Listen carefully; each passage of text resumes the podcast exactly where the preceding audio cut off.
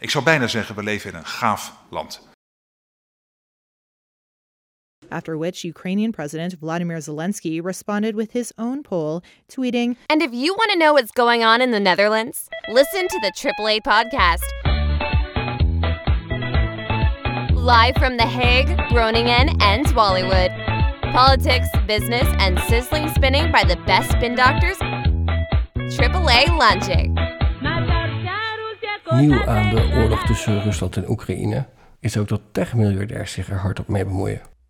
But Musk didn't stop there. He followed up with another poll, tweeting, Let's try this then. The will of the people who live in the Donbass and Crimea should decide whether they're part of Russia or Ukraine. Elon Musk bijvoorbeeld. Boeken staan in de wijk daarover. Zelensky zal niet uh, willen onderhandelen over, over, over landjepik of zo. Die, dat, dat stadion is nu echt gepasseerd. Ja, hè? dat klopt. Dus er valt, valt daar niet over te onderhandelen. Biden heeft ook gezegd van nou ik wil wel praten met Poetin, maar dan wil ik die basketballer wil ik vrij krijgen uit Ja. Rusland. Ja. Weet je wel? Nou ja, dat Ja. kan Poetin gewoon doen als hij uh, als die daarmee een gesprek kan krijgen. Ja. Ja. Ja, als Nou ja, het is natuurlijk ook die lachwekkende tweet van, eh, van Elon Musk, eh, waarmee hij even in een eh, paar zinnen een heel vredesplan presenteerde. En waar schijnbaar hij en Poetin over gebeld hebben. Volgens mij is dat ontkend. Ik vind het ook een heel raar verhaal. Hoor. Maar goed, ik bedoel, als eh, dat waar zou zijn, eh, dan moet ik zeggen dat eh, Elon Musk wel redelijk eh, op de lijn van Poetin zat. Ja. Hè, namelijk, hij zegt van, ja, dan zou je de Krim, ehm, die zou eh, Rusland moeten houden. Want dat was toch door Khrushchev eh, in een eh, vlaag van verstandsbewijziging aan Oekraïne gegeven. Dus dat telt niet mee. Hij heeft gezegd dat de referenda moeten worden overgedaan onder VN-toezicht. En dan, ja, en dan gaat... Poetin natuurlijk vanuit dat dat gewonnen wordt, omdat er geen, laten we zeggen, Oekraïner of meer, meer in het gebied aanwezig is. Dus dat wint hij wel. Nou ja, en zo waren er nog een paar van dingen. Ja, het, het is wel aardig om de denkrichting even daarmee te bepalen. Ook voor Rusland. Het zou mij dus gewoon niet verbazen als dit soort dingen inderdaad dan op tafel komen te liggen. Maar dat is natuurlijk totaal onacceptabel Ja. eh, voor, eh, eh, voor Zelensky. Uiteindelijk zie je nu dat die oorlog wel gewoon breed, ondanks dat we ontkennen, maar wel breed zijn, eh, zijn impact heeft. Ja, zeker. Chips zijn, chips zijn er niet meer. eh, Nee. Zou dat ook de een reden simpel- zijn dat, dat, dat die chips opraken, dat Elon Musk eh, zich eh, op Twitter met de oorlog is gaan bemoeien? Hij zegt, laten we eens even erkennen dat de Krim bij Rusland hoort. Ja. ja, nou ja, hij is natuurlijk een, eh, een eh, buiten de doos denker, om het maar even zo te Ja. zeggen. Ehm, daar, hij is ook wel een bekend drugsgebruiker, dus misschien vindt hij vandaag weer iets anders dan morgen. Ehm, ik weet niet waarom hij zich Ik, ik kan ook zeggen, het is gewoon een uberkapitalist die zegt, ik heb wel genoeg chips nodig voor mijn Tesla. Dat be- begint een beetje lastig te worden. En er liggen natuurlijk ook heel veel grondstoffen voor, eh, onder andere lithium en andere grondstoffen voor, eh, Ja, voor zijn batterij. Maar voor batterijen. kijk, het daar. interessante...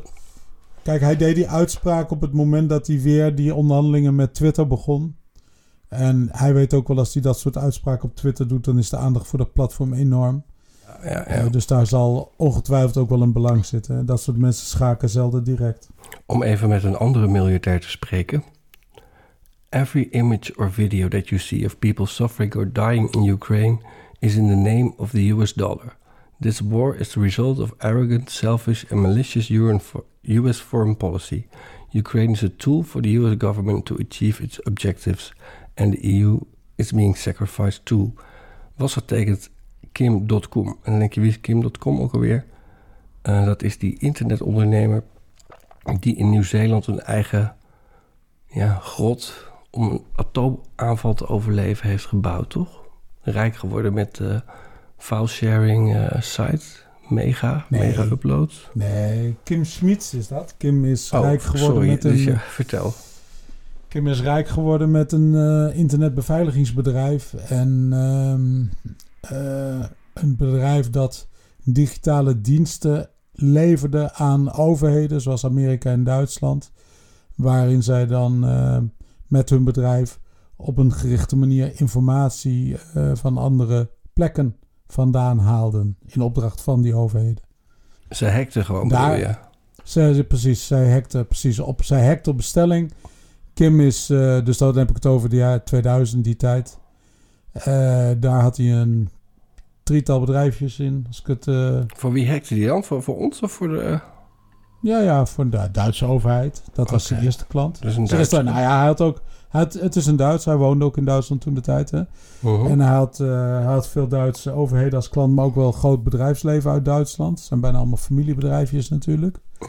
En wij maakten daar in de tijd eh, wat software voor, voor Kim.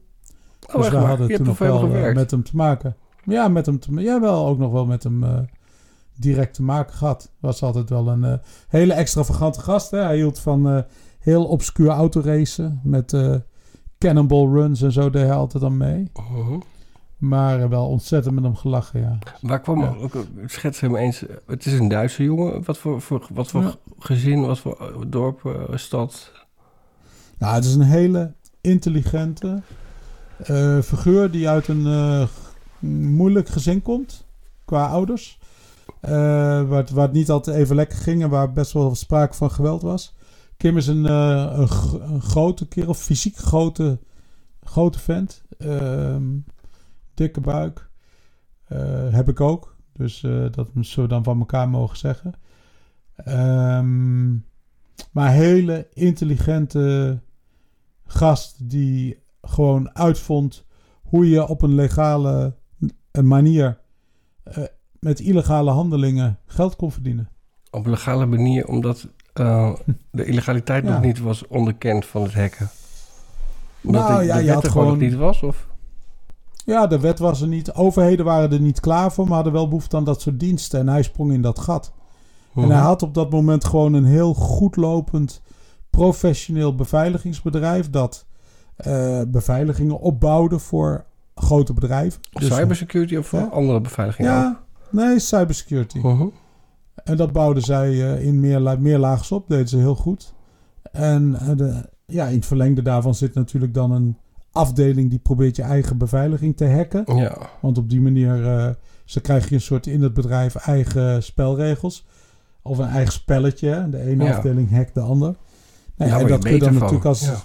Ja. Ja. daar word je beter van. En dat kun je ook als dienst gaan inzetten. En dat heeft hij gedaan met heel veel succes.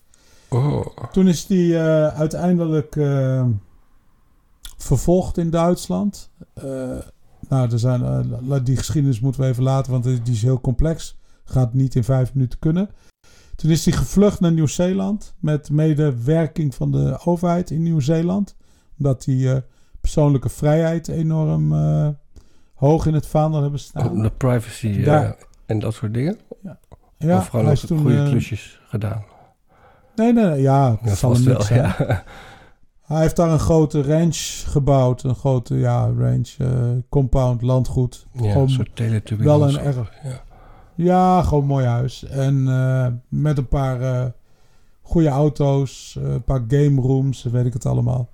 Super toffe plek. Ehm, getrouwd met een model. En toen eh, ging die, nou, mega inderdaad beginnen als een soort reactie op, eh, hoe heette dat ook weer wat je had? Niet WeTransfer, maar je had daarvoor had je eh, Casa. Casa. je had, ja, Ja. Casa, je had allemaal filesharingsmethodieken en daar ging hij zich in verdiepen. Mhm. En, Wat was nou ook weer het succes van hij- Mega? Dat je gewoon daar op, bij hun op de server iets kon zetten. Dat je het niet van computer naar computer hoeft te versturen, toch? Het was 100, 100% anoniem, 100% versleuteld. Oh, dat was het. Dat vond de Amerikaanse overheid niet zo Nee. fijn. Dus die hebben uiteindelijk eh, een inval gedaan of gepusht... zodat Nieuw-Zeeland een inval bij hem zou doen. Dus toen is hij s ochtends vroeg van zijn bed gelicht Ja. hè, met heel veel geweld. En dat is een rechtszaak die nog steeds loopt, volgens mij. En Oh. eh, waarin hij nou, dan wel snap ik wel dat hij een beetje anti-Amerikaans is. Nou, hij was anti. Hij was. Kijk, hij was. We hebben te maken met iemand die voor de Amerikaanse overheid gewerkt heeft en dingen heeft gedaan. Ehm, en die nu zegt over diezelfde overheid dat het hypocrieten zijn om wat ze zeggen en wat ze doen. Dus we hebben het plat gezegd te maken met iemand die het gewoon kan weten. Ja, Omdat hij namelijk jarenlang facturen betaald heeft gekregen van die lui.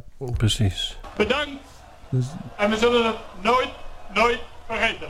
Alsnog te praten. Want er komen Ja. wat overleggen of mogelijke overleggen aan. Hè? In. Kazachstan Ja, en misschien bij de G20 later. Ja, Lavrov heeft daar uh, ook op uh, gehind. En die heeft inderdaad ook gezegd van nou, bij de G20, dat vindt plaats waar ook alweer? Indonesië. maand, hè? Indonesië. Ja, ja. Uh, daar zien Biden en, uh, en Poetin elkaar en er zouden gesproken moeten kunnen worden. Kijk, dat zijn natuurlijk altijd uitstekende gelegenheden om dat uh, te doen. Ook als je dus terreurbombardementen doet, dan is dat een wan wanhoopstaat en dan leidt dat absoluut niet tot onderhandelingsbereidheid bij de andere nee, kant. Nee. Nee, nee, als je dus inderdaad wil onderhandelen, zul je dit dus zeker niet moeten gaan doen. Hmm. En met andere woorden, de Russen zitten zo klem als het maar kan. Ja. Uh, en uh, de onderhandelen, die, die, kun je gewoon voorspellen, dat gaat gewoon niet lukken. En waar we waarschijnlijk dus naartoe gaan, is dat heel langzaam zal Oekraïne nog meer terrein winnen. En waarschijnlijk gaan we allemaal door naar een lenteoffensief. Ik vind is dat in sommige kringen je nepnieuws. And if you want to know what's going on in the Netherlands, en religieuze overtuigingen door elkaar ziet lopen. listen to the AAA podcast. Live from The Hague, Groningen, and Bollywood, this is AAA Land. Well, little AAA Land, to be precise. AAA Lunching.